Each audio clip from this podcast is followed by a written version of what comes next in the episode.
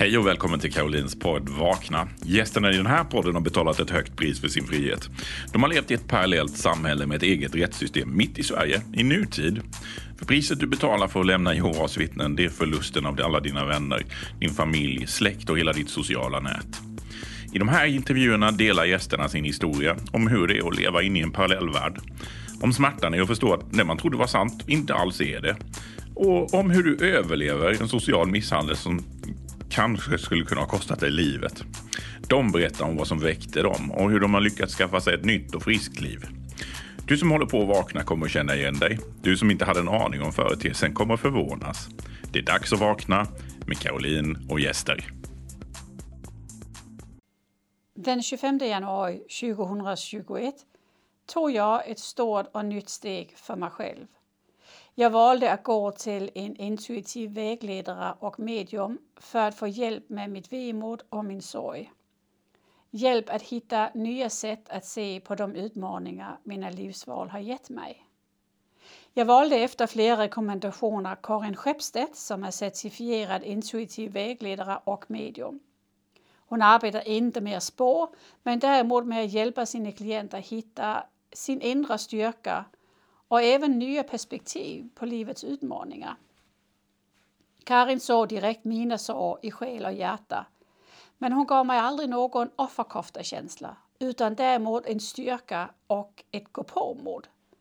Karin hjälpte mig ett stort steg framåt i att hitta min stabilitet och styrka i nya livet med Marcus, barnen och bonusbarnen. Hon hjälpte mig att se på priset jag betalat för friheten på ett nytt sätt.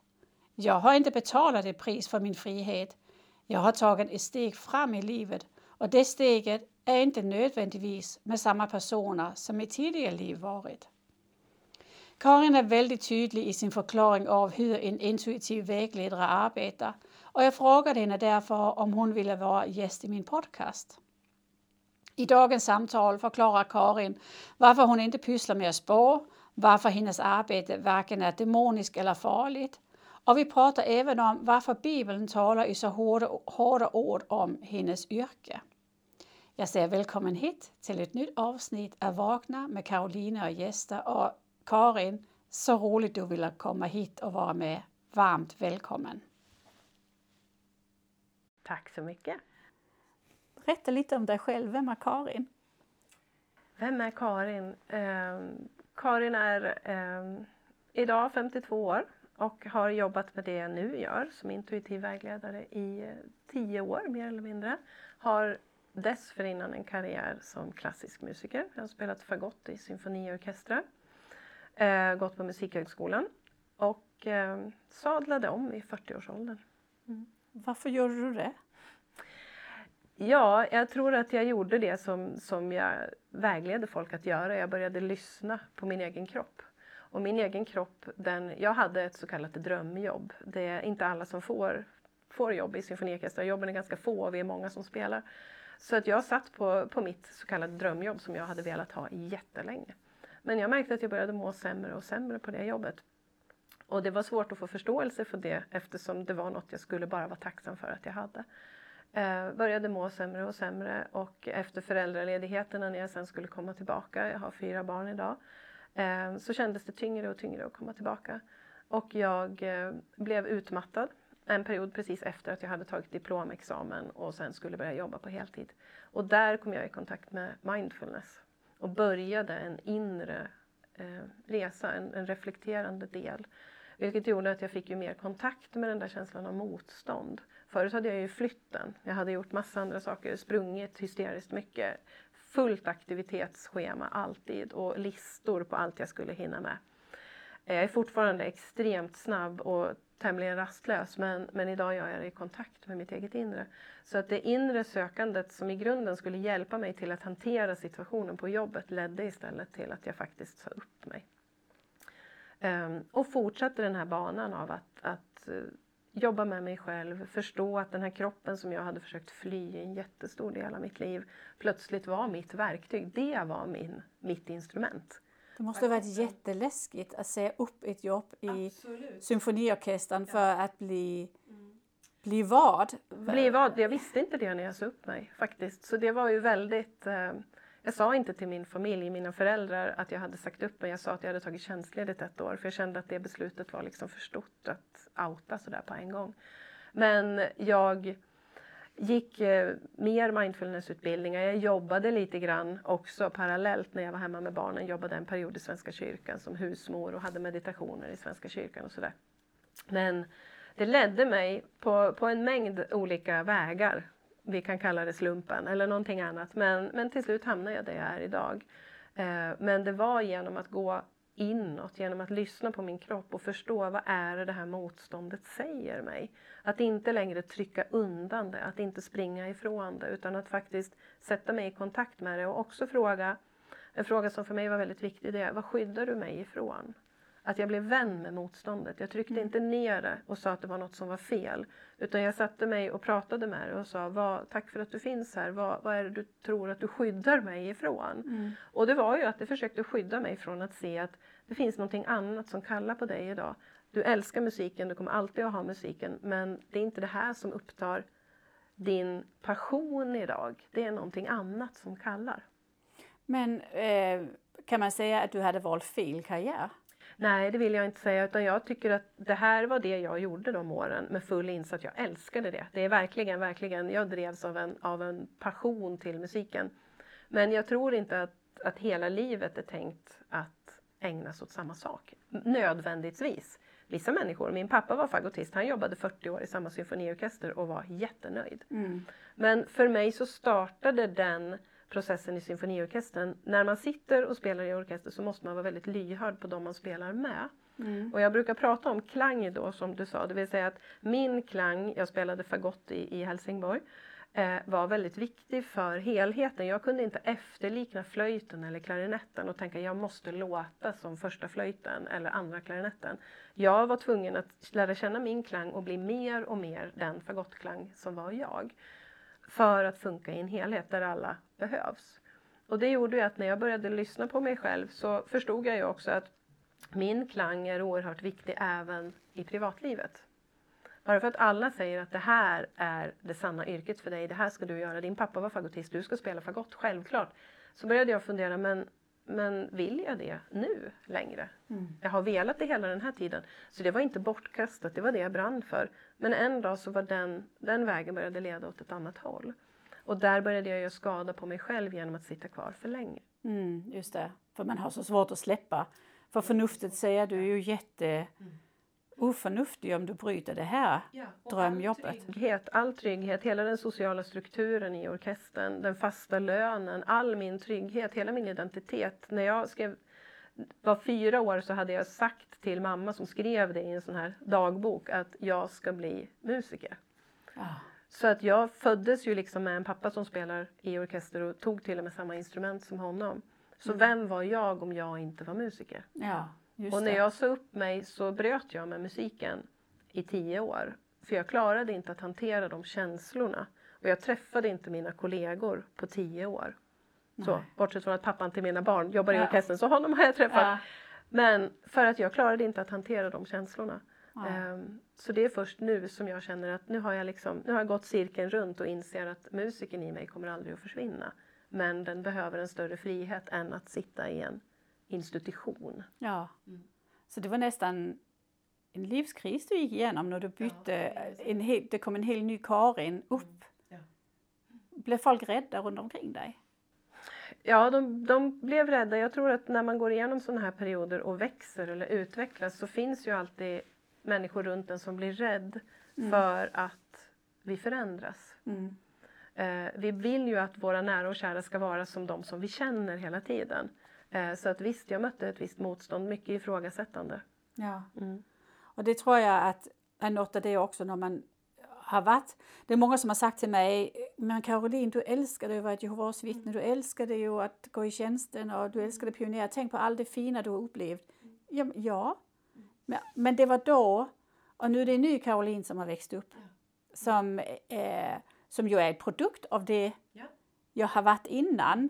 Men jag behöver, jag behöver någonting annat nu. Eh, någonting mer. Jag, jag är hungrig på att uppleva mer av livet. Så det är, jag anser det är en stor missförstånd där, man, är man, är många tror att men då förkastar jag allt det jag var innan, men det gör jag inte. Nej, nej. Utan jag bara växer vidare och det är väl egentligen naturligt att man vill växa som person. Men visst är det ganska, är det väldigt många som just i den här åldern, 40-årsåldern, kommer till ett brytpunkt i livet? Jag tror att det är det. Jag, jag vill inte riktigt prata om ålderskriser sådär. Det är väl för jag har passerat 50 nu. Men därför att jag tror att vi kan komma till dem i olika stadier. Men vi växer hela tiden, precis som träd och blommor och alla möjliga så här. Mm. Vilket gör att vi är präglade av det vi kommer ur. Men till slut så kommer det någonting annat i oss som börjar prata och säga, men du vänta, är det du som har fattat de här besluten? Eller ännu bättre, stämmer de idag? Mm. De här var rätt när jag var 20 och när jag var 30. Men har jag stannat upp och funderat, är det de här valen jag fortfarande vill leva efter? Är det de här grundvärderingarna jag fortfarande känner att jag vill ha mm. som ledare i mitt liv? Och där är det ju, många av oss idag lever ju på språng, det vill säga vi stannar inte upp. Nej. Vi kan ha det i våra företag eller på arbetsplatser där vi har liksom målbildsträning eller vi sätter visioner eller vad ska vi uppnå. Men det är sällan vi gör i vårt eget liv. Mm. Vi springer hela tiden, mm. ofta för att slippa blicka inåt. Och det hade ju jag gjort. Jag hade ju stoppat undan allt det här motståndet tills jag blev utmattad och fick sätta mig och känna efter. Men vänta, vad är det som skaver? Vad skyddar det här motståndet mig ifrån? Ja, från att se att de här de här grund, jag vill inte kalla det värderingar i det läget, men det intresset, den passionen jag hade för att spela i orkester på det sättet var inte längre det som min själ eller jag törstade efter. Precis som du säger, jag ville vidare. Jag ville förstå. Jag hade suttit där och iakttagit människor under 13 år på scenen. Nu vill jag förstå dem mer på djupet, inte bara vad är det jag känner in när jag samspelar? Hur Nej. funkar det? Var kommer ja. det ifrån? Vad är det som gör att jag kan känna av att min kollega är på dåligt humör idag eller håller på att bli nervös nu? Ja, vad, är det för, vad är det för mekanismer som, som gör man kan, man brukar säga jag kan läsa eller jag kan se, mm. eh, för man kan ju inte se känslor. Nej. Men vad är det som gör att man kan, vad är det som händer? Kan du förklara det? Alltså, jag tänker, oss, tänker mig intuitionen som vi pratar om här som ett av våra sinnen. Vi har våra fysiska sinnen, hörsel, syn, känsla och smak. Eh, och vi har också intuitionen som ligger djupt i oss. Den är inte lika tydlig eftersom känseln är ju tydlig och alla de andra fysiska sinnena. Men det här är ett sinne som har funnits med oss på samma sätt som de fysiska sinnena, alltid. Från början som en ren överlevnadsstrategi. Att se att vänta, om flocken har rest på sig så måste jag känna av att nu, nu är vi på väg någonstans. Så att den finns där. Och i vårt liv så finns den också där och leder och guidar. Men vissa av våra sinnen har lite starkare röst, precis som i en folksamling, och tar lite mera plats.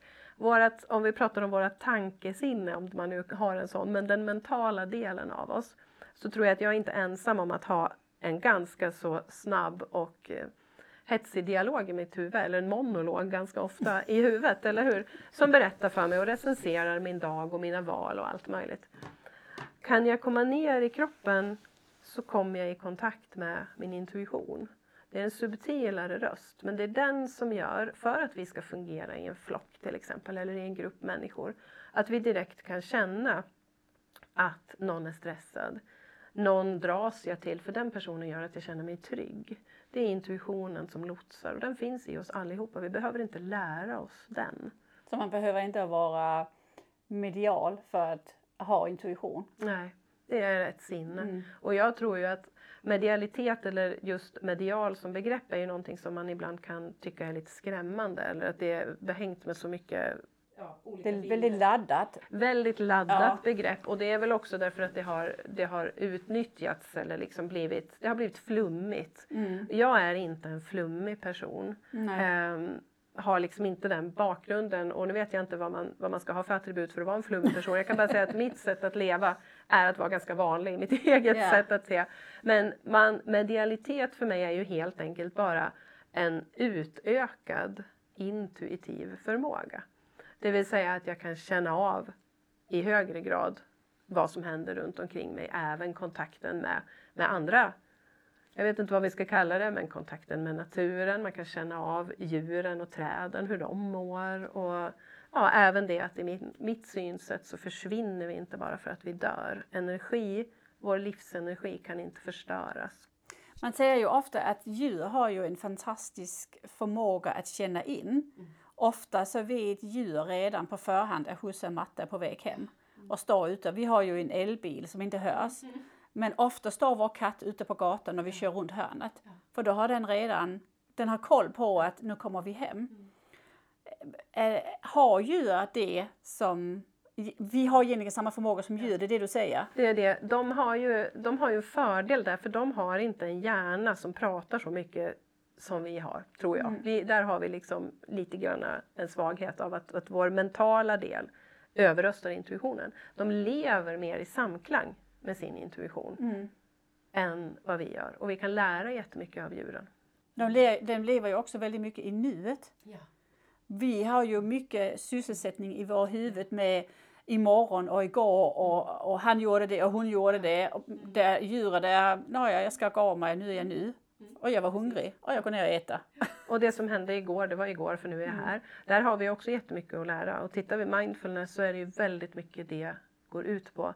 Att i alla stunder återvända till nuet. För jag mm. kan inte förändra det som var igår och jag vet ingenting om det som kommer att hända imorgon. Mm. Men en intressant övning är ju att då och då under dagen stanna upp och bara ställa sig frågan, vänta vart är jag nu någonstans? Jag brukar ju säga då, och det har jag tagit upp på kurserna här, vänta Karin var har du fötterna? Mm. För att jag ska liksom komma av mig själv i den här slentrianmässiga dagdrömmeriet eller monologen som vi går runt i och bara checka av, vart är jag någonstans nu? Just det, här sitter jag hos Caroline idag.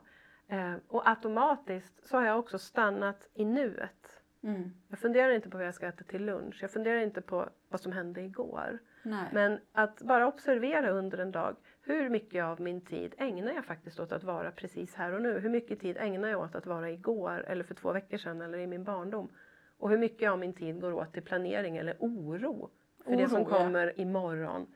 Och oro kan... är ju helt egentligen, den är ju onödig om vi stannar i nuet, eller hur? Mm. Mm. Och man kan säga att vi har 100% uppmärksamhet eller 100% energi. Mm. Och i det ögonblick jag börjar portionera ut det till det som redan har hänt, ja. Då, det är ju bara att kasta energin eller uppmärksamhet ut genom fönstret. Ja. Eller imorgon, som, ja, men det kommer jag ge uppmärksamhet åt imorgon.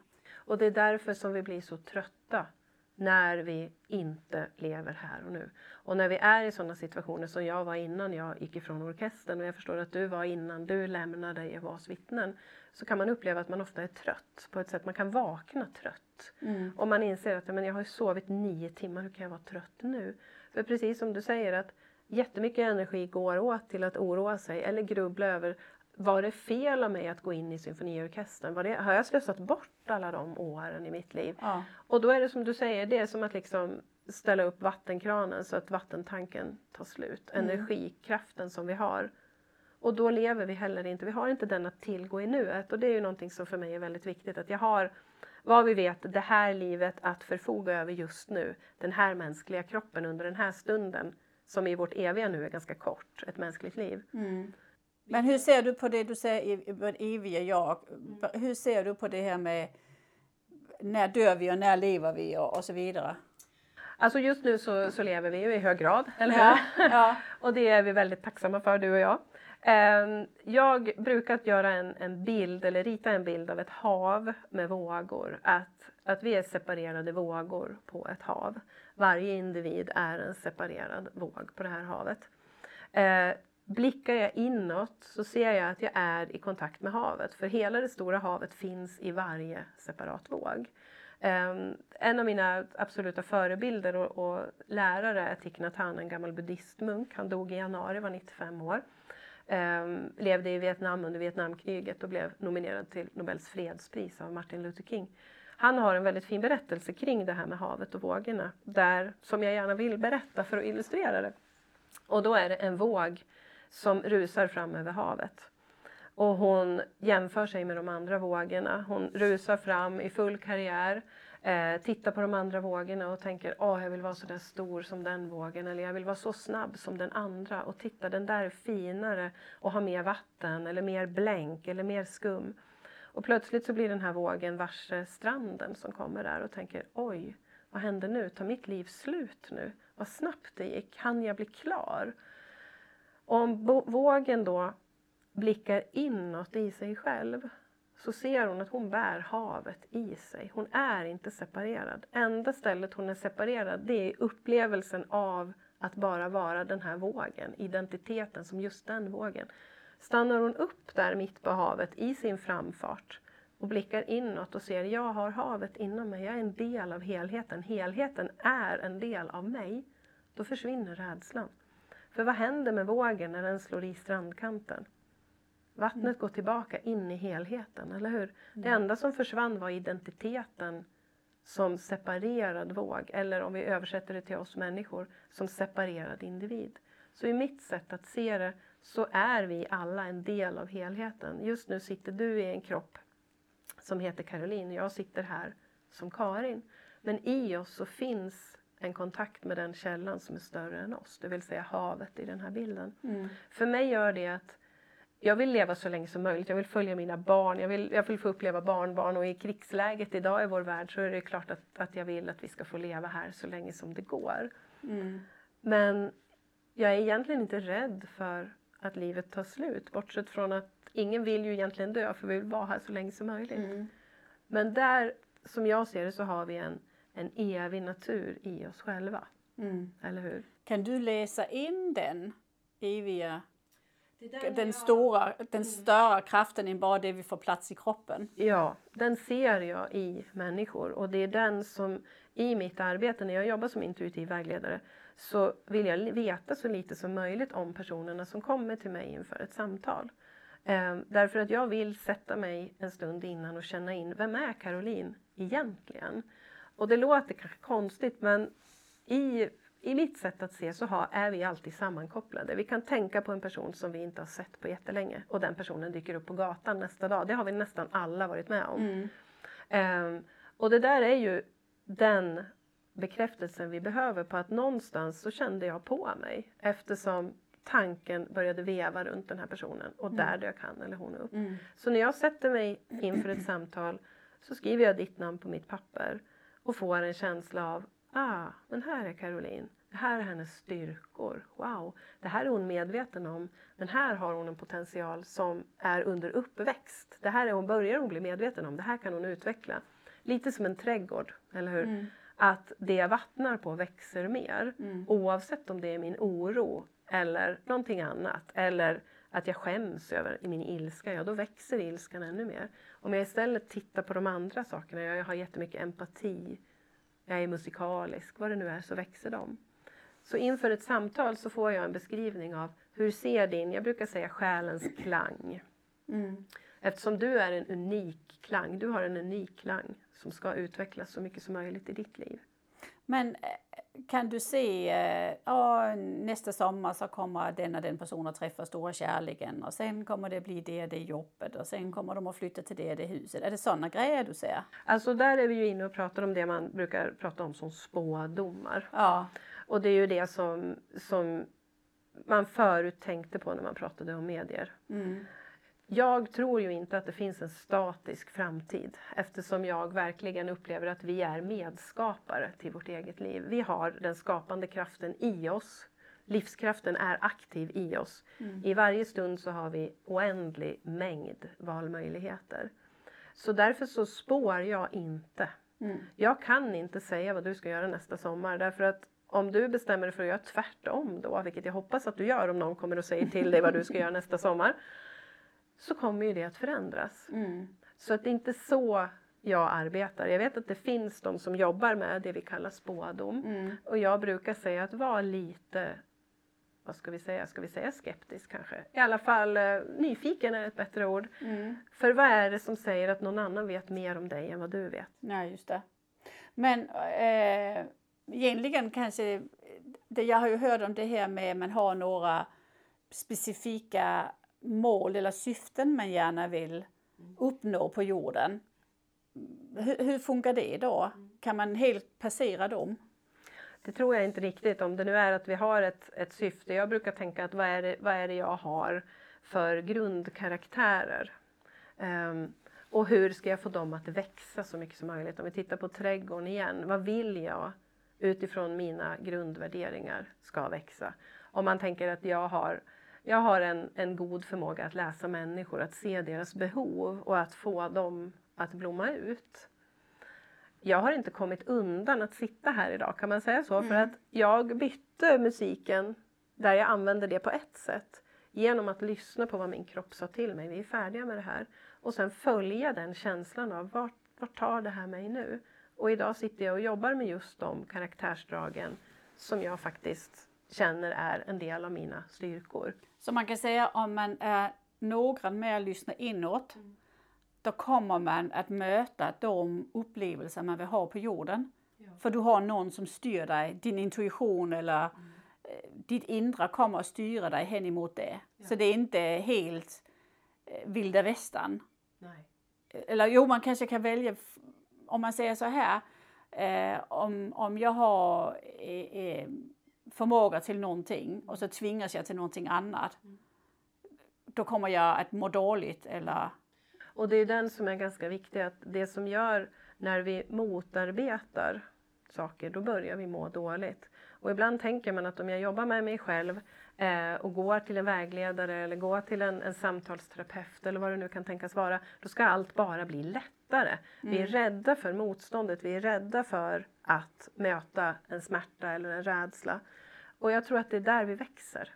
Mm. Och om jag nu pratar om trädgård igen eftersom jag älskar att hålla på och jobba i trädgården så kan inte blommor växa på asfalt. De måste växa i kompost eller mm. i gödsel. Mm. Och jag ser att när vi står kvar i vår smärta, när vi inte flyr den, det är där vi växer som bäst. För alla de erfarenheterna, alla de smärtorna, upplevelserna, allting som vi har haft med oss, det är komposten. Om vi tillåter det att finnas i mitt liv så blir det kompost. Mm, då blir det någonting vackert. Ja, för där kan jag odla någonting. Det är där... Så varje gång jag har ett smäll i livet eller varje gång det är någonting som jag är riktigt, riktigt und, yeah.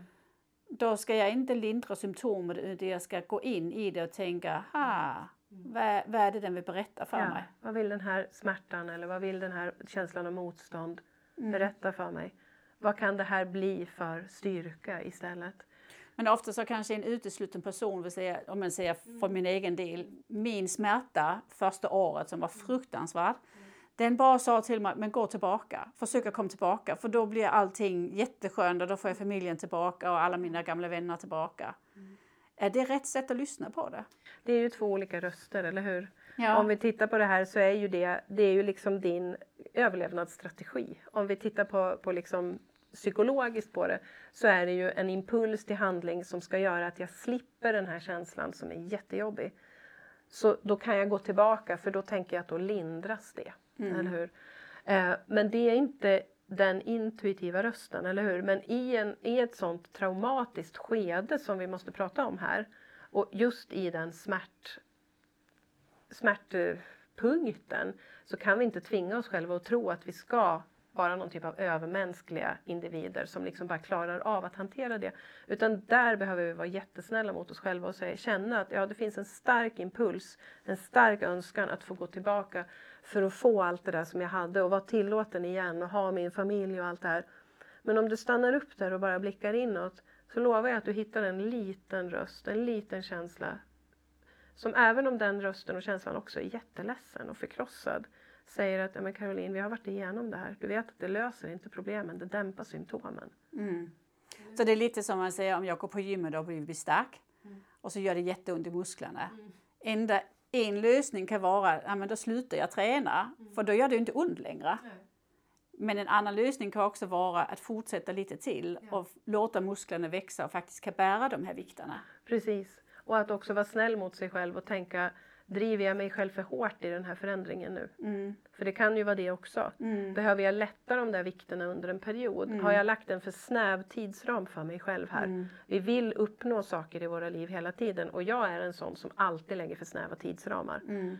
Vilket gör att ibland blir bördan för tung. Mm. Att kunna vara snäll, medkännande till sig själv och säga men Karin okej, okay, förlåt. Jag krävde för mycket av dig men om vi tänjer på den här, vi är tillåtande, jag vill till det där målet. Ja, vad kan jag göra för att hjälpa dig? För det är ju där vi kan guida oss själva. Det var så, jag gick ju den här kursen hos dig eh, i intuition och medialitet och den här hungern på att gå inåt och, och bli nyfiken på sig själv skärptes ju verkligen i din kurs. För att speciellt när man lämnar en, en stram religiös organisation då, då är du så van vid att lyssna utanför. Mm. Du har anvisningar, du har äldste, du har en församling, du har Bibeln, du har många saker som hela tiden säger till dig så här ska du känna, så här ska du göra, så här ska du fylla din vecka. Men utan dem, ja, vad ska jag då luta mig åt? Vem, mm. liksom, vem, vem, hur kan jag göra här? Hur ska jag tänka här? Hur ska jag känna här? Är det okej okay att känna så här? Och då, då behövde jag den här kursen för att lära känna min klang, för den har ju varit, den har ju inte riktigt fått komma till uttryck. Nej. Den har varit drucknad i det andra om man säger ja. så. Mm. Berätta lite mer om den kursen. Vad är, det du, vad är det du lär oss? För jag är ju inte, anser mig inte medial, jag anser mig inte eh, intuitiv egentligen, fast du säger ju man är det alla ihop. Mm. Så, så, vem kan anmäla sig och vad är det man får lära sig? Man kan anmäla sig till den, alla kan vara med där. Um, och den kursen har ett väldigt viktigt syfte. Alltså syftet med den är att var och en ska få en upplevelse av den egna intuitionen. För att intuitionen är verkligen ett sinne som du har. Du har inte behövt någon annan som lär dig höra eller någon annan som lär dig se. Du ser även om du sover. Din syn funkar även om du sover. Det vill säga att din intuition har funkat även när du inte alls var medveten om den. Den har funnits under ytan som mm. en guideline eller som en vägledning. Och när vi kommer för långt ifrån den rösten, det är då vi börjar få väldigt mycket motstånd och må dåligt. Så på den här kursen så, så har jag en önskan att varje människa som kommer dit på sin egen nivå ska uppleva att ah, där fanns den, det var så det kändes. Och då hjälps vi åt i gruppen, vi får känna av varandra genom att varje människa har ett... Vi, den här parallellen om man står på en buss och det kommer någon och ställer sig precis bakom. Vi vet att det står någon där. Det kan kännas obehagligt när det är trängsel. Mm. Vi behöver inte se personen, vi kan känna att den står där, eller hur? Det är liksom en, en fysiskt kännbar effekt av att någon träder in och ställer sig för nära. Och vi har alla, alla människor, alla levande varelser har ju ett energifält, det är mätbart runt mm. omkring oss. Och det kan vi känna av. Och det påverkas vi av. Och det är det jag vill att man ska förstå att det här, det här är något som påverkar oss. När jag blir medveten om det så kan jag också både använda det till min egen fördel men jag kan också hindra att jag blir påverkad negativt. Det vill säga om jag kommer in till jobbet och en kollega har jätteont i huvudet och har bråkat med partnern på morgonen och jag plötsligt känner mig irriterad och stressad så hinner jag tänka, vänta är det här mitt? Eller vem har jag träffat nu? Ah, det är kollegan där borta, det här är inte mitt. Ja, men då kan jag ta mitt lugn som jag hade i morse och stötta honom eller henne mm. istället. Mm. För att vi är två stycken som sitter och jobbar upp en stress. Det är väldigt intressant för att man vet ju alla om man sitter i en grupp och man har jättetrevligt mm. och så kommer det in en person som är som ett åskmoln. Mm. De behöver inte säga någonting. Nej. Men hela energin den bara sprider sig över rummet och plötsligt så dämpas hela stämningen. Ja. Utan att personen har yttrat sig. Utan, så, så det är helt enkelt, det funkar ju i oss, det är bara det vi kanske inte riktigt vet vad det är Nej. som gör att det smittar av sig. Precis. Ja. Och det, om vi tittar på de andra sinnena, om den här personen som kommer in i mötesrummet hade en väldigt starkt framträdande doft, en parfymdoft, så hade den också spridits i rummet. Ja. Och det är samma sak. Just det. Mm. Ja. Men eh, du, ähm, nu är det, ju, det är ju det här med att man går in i sig själv och man hittar sin inre röst. Mm. Men du jobbar ju även med det som är utanför oss. Kan du berätta lite om det? Att det som är utanför oss är ju, är ju det som är större än vår egen personliga upplevelse. Om vi tittar tillbaka på vågen och havet så, så när vågen återvänder till havet så finns den ju som en del i havet. Mm. Och när vi dör, om vi bara tittar på det att när vi dör så är vi energi, det är vi när vi lever också, men energin går inte att förstöras utan den omvandlas. Det vill säga att min uppfattning är ju att när vi dör så finns en del av oss kvar. Och i samtal med människor så kan jag uppfatta personer som finns runt den personen men har gått bort. Det här är absolut inte andar eller spöken eller någonting som man kan se på skräckfilmer eller tycka är hemskt och jobbigt. Det handlar helt enkelt om att jag brukar tänka så här, den dagen jag dör kommer jag inte att vilja lämna mina barn. Jag vill vara med och se hur det går för dem och liksom hjälpa och stötta för att jag älskar dem och vill få fortsätta finnas. Eh, och den eviga delen av oss kommer ju alltid att finnas. Så det du menar det är att vi har alla anhöriga runt omkring oss som är intresserade av oss? Mm, enligt mitt sätt att se, ja. Ja. Precis. Hur kan man få förnämelse för dem? Kan du se dem? Ja, och här är det ju det här att vi pratar om olika kanaler in. Att jag, jag, jag säger ju och slarvar ofta med att jag säger att jag ser. Mm. Och då är det väldigt viktigt att säga att det är inte med de fysiska ögonen utan det är för den inre synen. Om jag ber dig tänka på en isbjörn eller Mm. tänka på dina barn så ser du dem, eller hur? Ja, Men du ser dem inte här i rummet. nej. Men, och ibland har man en hjälp av att man sluter ögonen för vi ser på insidan. Och det är ju intuitionens syn, klarsynen Mm. som vi pratar om då. Och då kan jag få en förnimmelse av att ja, men här finns det en person runt dig som var så här som person, som hade de här karaktärsdragen, stod ungefär i den här relationen till dig. Mm. Eh, såg i livet ut så här och så här. Och sen är det ju viktigt att veta att vi lämnar vår kropp här. Alltså den är ju den är inte med oss sen. Så att det där att beskriva ett utseende det är ju för att vi ska kunna förstå vem det är. Mm. Men vår personlighet den lämnas ju lite grann också. Alltså kroppen lämnar vi ju den dagen vi dör. Mm. Då går vi tillbaka, den här identiteten som våg lämnar vi och går tillbaka i helheten. Mm. Så dina anhöriga, har du dem med dig?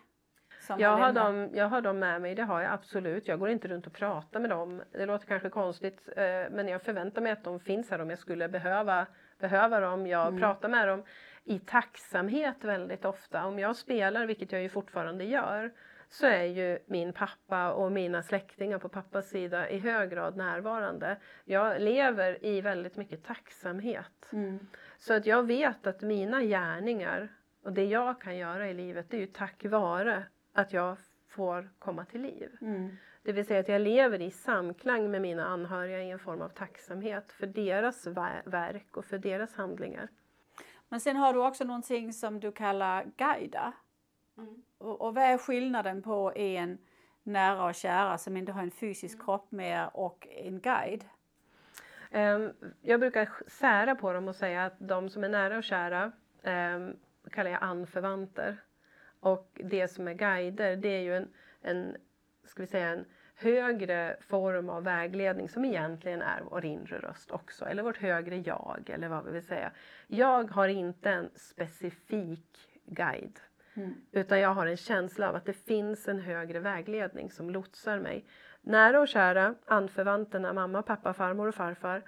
De, de är med och kan ge mig råd i det dagliga livet. Det som vi kallar den andra guidningen, den står, hur ska vi säga, den har en klarsyn eller en visdom som sträcker sig över vårt mänskliga, det vi som människor kommer åt. Mm. För de här anförvanterna har inte riktigt samma överblick, kan man säga så? Eller klarsyn. Mm. Guiderna kan guida mig i eh, större livsval. De vet vem jag är som själ. Mm. Eller hur? Men, Mm. men relationen till mina anförvanter, där har vi ju haft våra personligheter. Ja, vilket precis. gör att även om de har släppt sin kropp så har ju jag en uppfattning om att ja, men min farmor skulle aldrig kunna lotsa mig i det här. För hon hade inte ens ett yrkesarbete till nej, exempel. Nej, just det. Så att det är en min, högre, kan man eh, säga högre intelligens. Mm. Mm. Som din farmor tyckte att enda lösningen det är att få eh, åtta barn till. Ja, Så hade hon gett dig det rådet och det kanske inte är det du behöver. kanske inte riktigt det nu.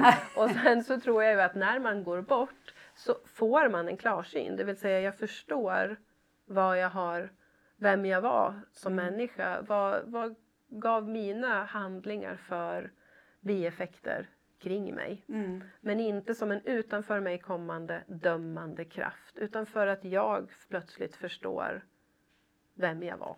Men kan detta, detta att veta att man har anförvanter med sig och även eh, guida med sig, kan det hjälpa en klient att få ett annat syn på sig själv och klara av en livskris och Ja. berätta? Ehm, det är väldigt, väldigt vanligt att, att det kommer en person till mig som sitter fast någonstans i sitt liv. Mm. Kanske vill göra en karriär, som vi tänker nu den här som vi har pratat om, att man vill byta karriär eller man vill byta, bryta en bana som man har haft. Och så kommer det en, en pappa eller en mamma eller en släkting som beskriver att jag är ledsen över att jag påverkade dig på det här sättet genom mina val, genom mina beslut. Jag vill hjälpa dig att förstå att det här är inte ditt liv, det här var mitt liv, det var min prägling på dig. Det är väldigt ofta att de, de kommer och med budskap för att säga förlåt mm. eller jag vill stötta dig i det här. Förlåt att jag påverkade dig. Det här mönstret som du har i din nuvarande relation kommer ifrån min påverkan på dig när du mm. var liten till exempel. Så man kan lära att, att se sig själv, även om man är en del av havet som du pratar om, att man, ser sig själv med sin styrka ja. och sina syften på jorden. Ja. Och man kan få en förståelse för hur har de andra vågorna under den här livsvandringen påverkat mm. mig och den jag tror att jag är. Mm. Och där kan man bryta med, vi har ju paradigmer, vi har mönster, vi har programmeringar mm. Från vår uppväxt. Det har alla. Det är liksom inte att man skyller saker på sina föräldrar. Det är så det är att präglas som människa. Mm. Men jag har i mitt nu alla möjligheter till att förändra det genom att komma i kontakt med vem är jag innanför eller djupare än mm. det jag tror som mig, om mig själv. Men varför tror du när man pratar religion, är, är du troende?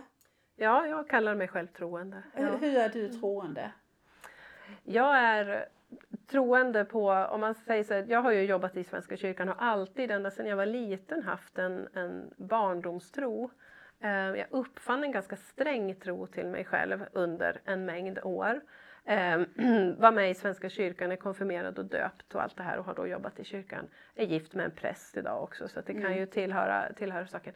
Eh, och jag får ofta en fråga att ja, men hur kan du Karin som, som liksom är som du är tro på Bibeln, säger de. Du är mm. kristen.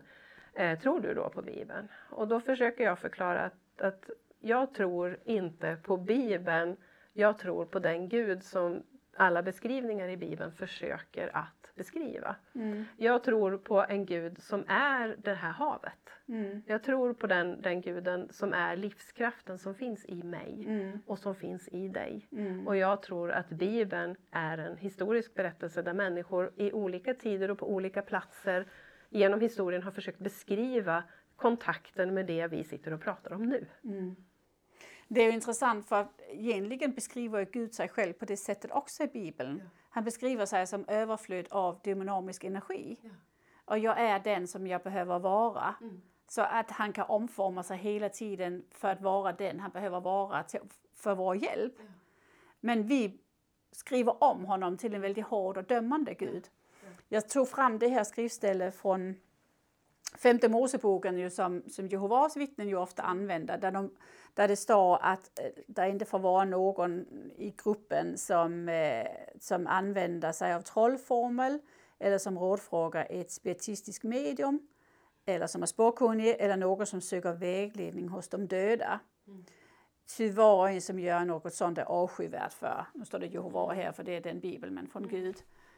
Varför liksom, hur, hur, får man ihop det? För att varför, varför skrivs det så här i Bibeln att, att det är någonting avskyvärt och det är någonting farligt och det får inte finnas? Mm. Alltså det där var ju jättejobbigt för mig under den perioden när jag hade, jag hade, har alltid haft den här känslan av att jag läser in mer, att det finns en, en visdom som vi alla är i kontakt med mm. och samtidigt hör de här texterna. Så jag har ju försökt att trycka undan det här och självbestraffa mig själv jättemycket och tänkt att Gud kommer att skicka en blixt i mitt huvud. Det har liksom varit ett mantra i mig. Mm. Um, jag har kommit till ro med att, att dels vill jag se det som en, en beskrivning som hörde till en tid när Gamla testamentet, vad var det, 1500 år innan det nya testamentet började skrivas. Mm. Det var för att hålla samman en grupp, att i vårt samhälle så behöver vi de här reglerna för att inte ja, vara mm. som de andra runt omkring dödsriket på den tiden var orent, man behöll sin personlighet. Så det är en mängd saker som inte går att direkt översätta till vår kontext idag. Ja. Och sen tror jag också att i alla sammanhang där vi vill ha en grupp som fungerar tillsammans så behöver vi ha regler och lagar som gör att, att makten fortfarande kan styra. Vilket kanske, och jag säger inte att jag har någon teologisk utbildning för detta, men att det kanske var underlättade om man då inte lyssnade inåt. Mm. Eller hur? Eh, men jag tror att väldigt mycket av det just i de här ställena i Gamla Testamentet hör till en tid där man levde på ett annat sätt. Så att det är liksom lite svårt att direkt översätta det till oss idag. Och så vill jag också säga det, det står ju ofta att man ska passa sig för falska profeter. Mm. Och tittar vi på det så finns det ju i alla yrkesgrupper. Det finns seriösa utövare och det finns de som är mindre seriösa. Mm. Så att jag tycker det, just det, den regeln hör ju fortfarande, den är ganska aktuell. Mm. Men profeterna i Bibeln, vad har de varit? Om mm. inte i kontakt med sin intuition. Ja, nu när jag har varit väldigt nyfiken på detta här mm. Eh, då har jag ju sett att det, de budskapen som de har fått, om inte de har haft den här kontakten, hur har de då fått de budskapen? Uh, absolut. Men jag tror ju att många monoteistiska religioner skärper detta här just för att behålla maktstrukturen. Uh, de skriver ju in, och, och, kanske det har kommit många saker in i Bibeln som inte tillhör de ursprungliga skrifterna. Nej, för vem vet egentligen hur ursprunget är? Uh, det har twistats hit och dit. Mm. För att Gud är en svartsjuk Gud och man får inte tillbe någon mm. annan än honom. Det stämmer ju inte riktigt överens med att han har överflödet av dynamisk energi. Nej, Då nej. behöver man inte vara svartsjuk. Så det är klart sådana grejer också. Absolut, och att det i väldigt många religiösa sammanhang så finns det ju mycket makt. Att mm. man vill skapa makt genom, genom att mm. ja, ibland förhindra människor från att tänka själva, lära sig saker, skaffa sig kunskap och eh, ur mitt perspektiv att lyssna inåt. För jag tror ju att Gud bor i var och en av oss. Gud är själva havet. Mm. Men om vi håller oss sysselsatta med att springa och lyssna på andra som ska berätta för mig vem Gud är. Mm. Då lyssnar vi inte inåt. Men mm. jag kan inte berätta någonting för dig Caroline som du inte redan vet. Nej. Så jag kan bara bekräfta saker som du har i ditt inre som är på väg att komma upp till ditt medvetande. Mm. Och det är där mitt arbete ligger, i att vattna frön som ligger djupt inom andra mm. människor för att få dem att växa och komma ut i blom i livet. Det är ju så, så fantastiskt när man kommer i kontakt med sig själv mm. och uppleva hur stark man är. Ja. Vilken enorm potential vi själva har. Och då kan jag tycka att då bleknar det, den makten som min tidiga organisation hade över mig. För att man kan genomskåda det. Mm. Det är på något sätt att klarsyntheten ja. kommer ja. När, du, när du börjar förstå dig själv så kommer klarsyntheten också i omgivningen. Men det här är ju bara en sekt som vill behålla ja. makten själv och det är därför de säger prata inte med dem som har lämnat. Nej, nej. Sysselsätta dig inte med den typ av litteratur, få inte kontakt inåt. Nej. Man får inte gå till meditation som Jehovas vittne, man får inte utöva yoga som är Jehovas vittne. Man får definitivt inte gå till ett medium. Nej, man får inte komma till mig. Men Nej. jag har träffat, jag har träffat fler än dig och ja. några andra. Det, mm, men då har de lämnat ja. Då har de lämnat eller varit väldigt mycket på väg att lämna. Ja. Eh, men fått hjälp av det i den processen. Då. Ja. Du är ju väldigt fullbokat. Mm. Eh, men du håller på att expandera din verksamhet. Mm. Eh, min, jag jobbar ju väldigt mycket med enskilda samtal och nu under pandemin har det ju nästan bara varit det på distans. Jag har inte kunnat ha grupper och mm. inte meditationer heller. Men jag håller på att expandera min verksamhet för att kunna utöka antalet kurser och att kunna ha igång mer grupper. För min min passion idag i förhållande till när jag var passionerat förälskad i musiken och symfoniorkestern är ju att få se människor växa. Mm. Att få kontakt med den här inre rösten, att kunna vattna de här fröna och att vi förstår hur fantastiskt fulländade vi är. Mm. Och att ingen utanför dig eller mig kan säga vem jag egentligen är. Det är ingen som, du fattas ingenting, jag kan inte ge dig något som du inte redan har. Nej. Men jag kan få vara en trädgårdsmästare eller jag kan få vara en vägledare på vägen för att få saker att växa fram och lotsa. Men vi fattas inget och det är ju det att ibland far vi ju runt i livet och nya kurser och nya saker och vi ska resa till Indien och vi ska hit och dit. Mm. För att vi tror att vi fattas något som vi ska söka upp. Mm. Vi behöver bara sätta oss ner och titta inåt. Vi har allt vi behöver. Så, så min önskan nu med expansionen av mitt företag är att kunna få människor, fler människor i grupper för att hjälpa dem att själva komma i kontakt med sin intuition. För alla de som kommer till mig behöver mig ju egentligen inte. Nej. Jag blir ju verktyget, kanalen mm. och det är ju det medium i grunden betyder. Mm. Kanal. Mm. Och där blir jag en kanal för att, för att sätta dig i kontakt med din egen intuition och det är ju egentligen att gå över ån efter vatten. Mm. Mm. Fast man kan säga, man jag tyckte jag behövde lite mm. hjälp för att det är mycket, man har mycket blockeringar omkring det. Man tycker att det är trams, ja. men det kan jag inte lita på. Så det du gör det är ju egentligen att boosta vårt immunförsvar, att lita på det som kommer. Eller boosta vår, vår förtroende till det. Att boosta oss själva.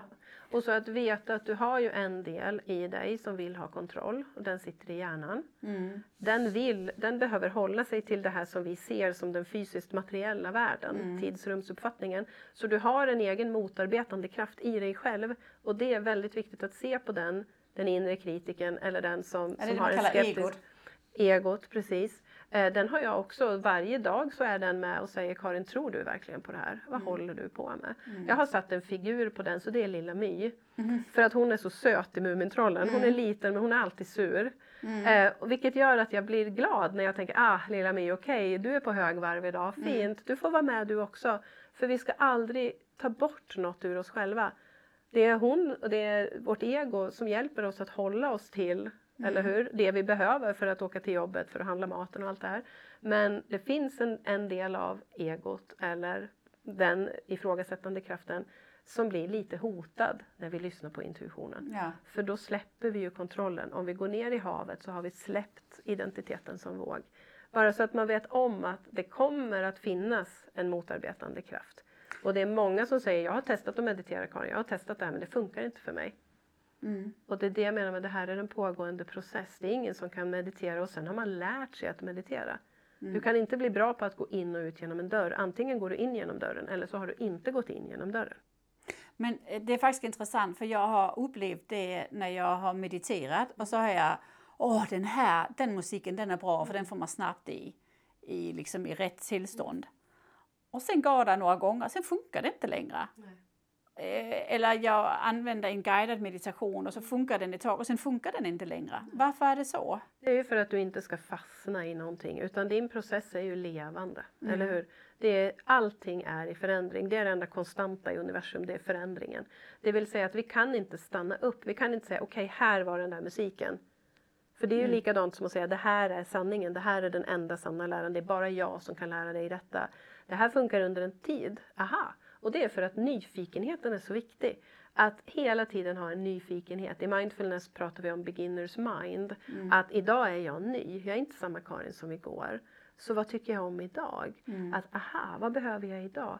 Och så är vi ju olika. Idag har vi sovit så här mycket, vi har ätit det här till frukost, det är regnigt idag i förhållande till igår. Så jag kan inte ha samma meditationsmusik idag som jag hade igår. Nej, det. Utan det är hela tiden, Lyssna på klangen. Vad är Karolins klang idag? Ah. Och då kan du inte ha samma musik. Nej. För då funkar ju inte. Du kanske är en durklang eller en mollklang idag. Ja. Och då blir det en dissonans mot den musiken du hade igår. Så ja. vad är din klang, vad är din ton idag? Och mm. välj sen utifrån det.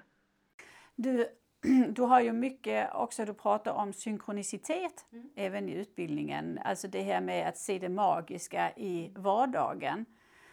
Och det är ju jättebra vägledning till att förstå att man är på, man kan inte säga rätt håll eller fel håll, men man har ju rätt håll i förhållande till sig själv. Mm. Berätta lite om det. Att synkronicitet är ju ett begrepp som helt enkelt betyder att, att när jag är i en tanke, jag behöver, jag behöver en bilverkstad för min bil har gått sönder, vart ska jag vända mig och hur funkar det här?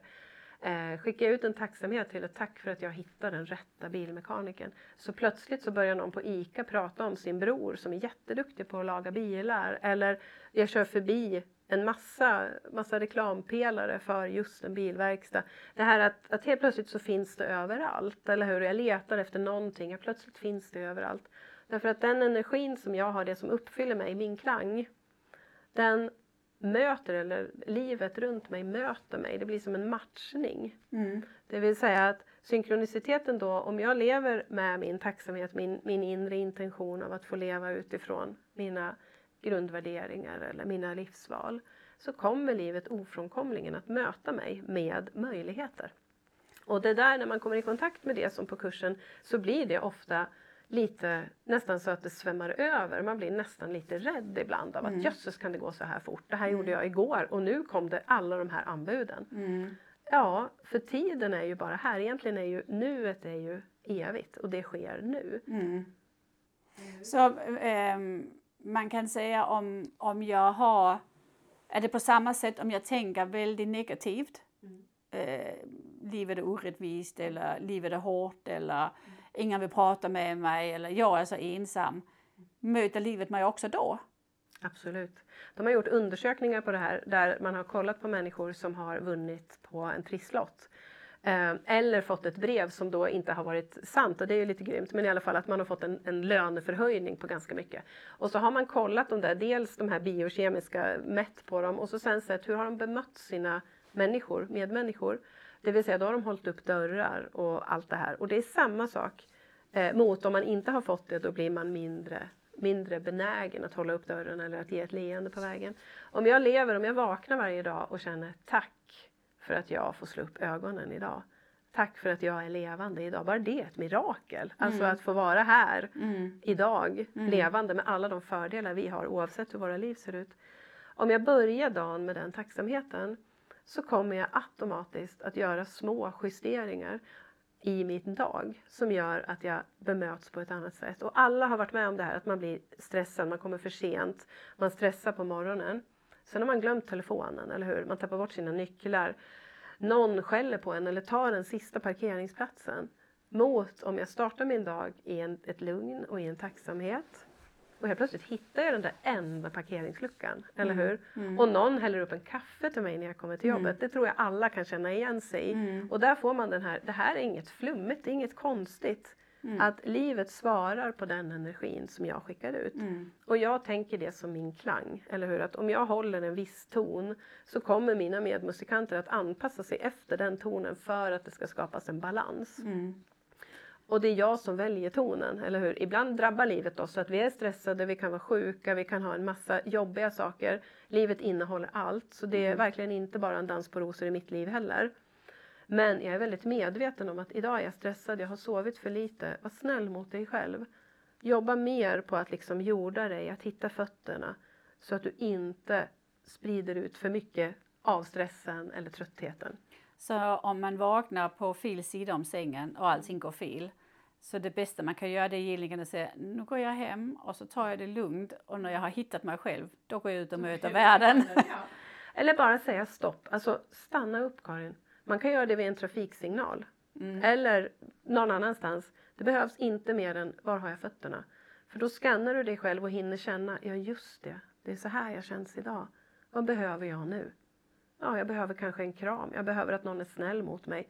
Och vem behöver jag då närmst? Ja, mig själv. Då kan jag inte piska på mig själv. Nej. Nej, och det räcker med den. Jag behöver inte ställa in möten och åka hem och lägga mig. Mm. Det räcker med att jag stannar upp. Vänta, vart är jag nu? Mm. Ah, där fick jag kontakt med fötterna. Det är okej, okay, det ändrar inte. Jag är fortfarande trött, jag har fortfarande ont i huvudet. Jag ändrar inte de parametrarna. Men det ändrar hur jag förhåller mig till det. Mm. Och då kan jag vara tillåtande och känna, okej, okay, idag är en sån här dag. Vad är det bästa att göra nu? Mm. Ja, det är att vara snäll mot mig själv. Att försöka anpassa mina val och mina steg. Så när man går igenom ett trauma, som till exempel att förlora alla nära och kära, mm eh, eller betraktas som död kan man säga, då hur ska man göra då? För det är, väldigt, det är otroligt stort krav att ställa på sig själv att nu ska jag stoppa upp och vara snäll mot mig själv för ingen annan är det. Nej, det är det jag menar med det blir mm. omänskligt och då mm. börjar vi straffa oss själva för att vi inte lyckas med det, eller hur? Och det är där vi behöver hjälp. Mm. Och det här är ju ett trauma så man kan gå och få hjälp i traumabearbetning. Mm. Eller Och veta att det här är en lång process. Mm. Det är ingenting, och det är också det som är så viktigt, det här med att gå i intuitiv vägledning eller att jobba med sin intuition, det är ingen quick fix. Det är också det här i Bibeln så tror jag att det är det man varnar för. Att gå inte till ett spirituistiskt medium för att de bara ska knäppa med fingrarna och sen är alla problem borta. Mm. Funkar inte så i våra liv, det tror jag vi alla har kommit fram till. Så att låta saker ta tid, att förstå att ja, jag behöver låta det här ta tid. Jag behöver hjälp av andra. Om jag har fråntagits min sociala grupp så behöver jag få hjälp att hitta en känsla av samhörighet någon annanstans. Oavsett om det är med en terapeut till en början eller andra människor som också har blivit uteslutna. Mm. För där kan jag inte hjälpa mig själv. Vi kan inte vara så klarsynta Nej. till oss själva i ett traumatiskt skede i våra Nej. liv. Det är att begära alldeles för mycket. Det vi pratar om där man kan stanna upp vid ett rödlyse och säga att vara snäll mot sig själv. Det är om man har sovit lite för lite eller det har varit en stressig morgon med mm. barnen. Mm. Inte en livskris på det sättet. Nej, nej. Men eh, eh, hur tar du emot eh, människor som går igenom ett trauma? Mm. Ja. Jag har en utbildning inom mindfulness som hanterar just traumabearbetning. Mm. Ehm, och det är, ju, det är ju viktigt att förstå hur det fungerar rent psykologiskt eftersom vi är ju inne och, och jobbar mycket med våra rent vad ska vi säga, primära eh, överlevnadsinstinkter. Och vi förstår hur trauman kan sätta sig. Och trauman behöver inte vara så här stora saker som vi pratar om nu, att bli utesluten ur samfund och familjer. Det kan vara mindre saker också. Man blir, man blir glömd på ICA eller kommer bort sig på ICA när man är fem år eller någonting sånt där. Men även den här typen av intuitiv vägledning är ju väldigt värdefull Mm. för traumabearbetning. Speciellt för att man kan förstå mönster i sitt liv, sitt nuvarande liv och förstå att aha, det här beror inte alls på den nuvarande situationen. Det här är ett mönster av en traumatisk händelse. Mm. Så eh, du är certifierat medium. Berätta lite vad som ingår i det för att, för att, att, att skilja lite på, på dem som... Det finns ju de man kan gå till och så kommer de och säga du kommer att dö eh, 25 februari 2028. Och med ganska hög sannolikhet så dör man 25 februari 2028 för man har fått en programmering i sig. Eh, Hur är, liksom, är den typen av, av medium certifierade och hur funkar det när man är utbildad medium? Alltså den utbildningen som jag har gått är ju en tvåårig yrkesutbildning eh, och det är en certifiering för att den skolan i Stockholm vill att det här med intuitiv vägledning och medial vägledning ska få en seriös yrkesstämpel som en terapeutisk hjälp. Och det är en tvåårig eh, utbildning där vi, vi läste världsreligionerna, vi läste psykologi, vi läste massa teoretiska ämnen, jättemycket etik, hur bemöter jag människor i olika faser av livet. Så det var en otroligt kompakt utbildning och väldigt mycket som inte rörde det här, man satt inte med tarotkort, förstår du? Det är liksom Nej. inte den, utan alla har en intuitiv förmåga. Hur kan jag som Karin utnyttja den i jobbet med människor? Ehm, och just det här att det var väldigt många, mycket praktik, eh, mentorsledd praktik, det vill säga, jag kommer inte ihåg nu för det är ju många år sedan jag gick där nu, men otroligt många timmar som vi satt med eh, samtal där vi hade vår mentor med oss. Och sen under hela det första året så hade vi en mentor som vi träffade efter att vi har gått ut. Och sen också uppföljande där, där de vi träffade i samtal skulle skicka in utvärderingar av oss innan vi fick vår certifiering. Så alla blev ju inte certifierade. Så det som du vill säga kanske det är att om man är sugen på detta här, då kan man titta. Brukar man lägga ut det på hemsidan eller bokningar man är certifierad eller diplomerad? Titta så att personen har en utbildning.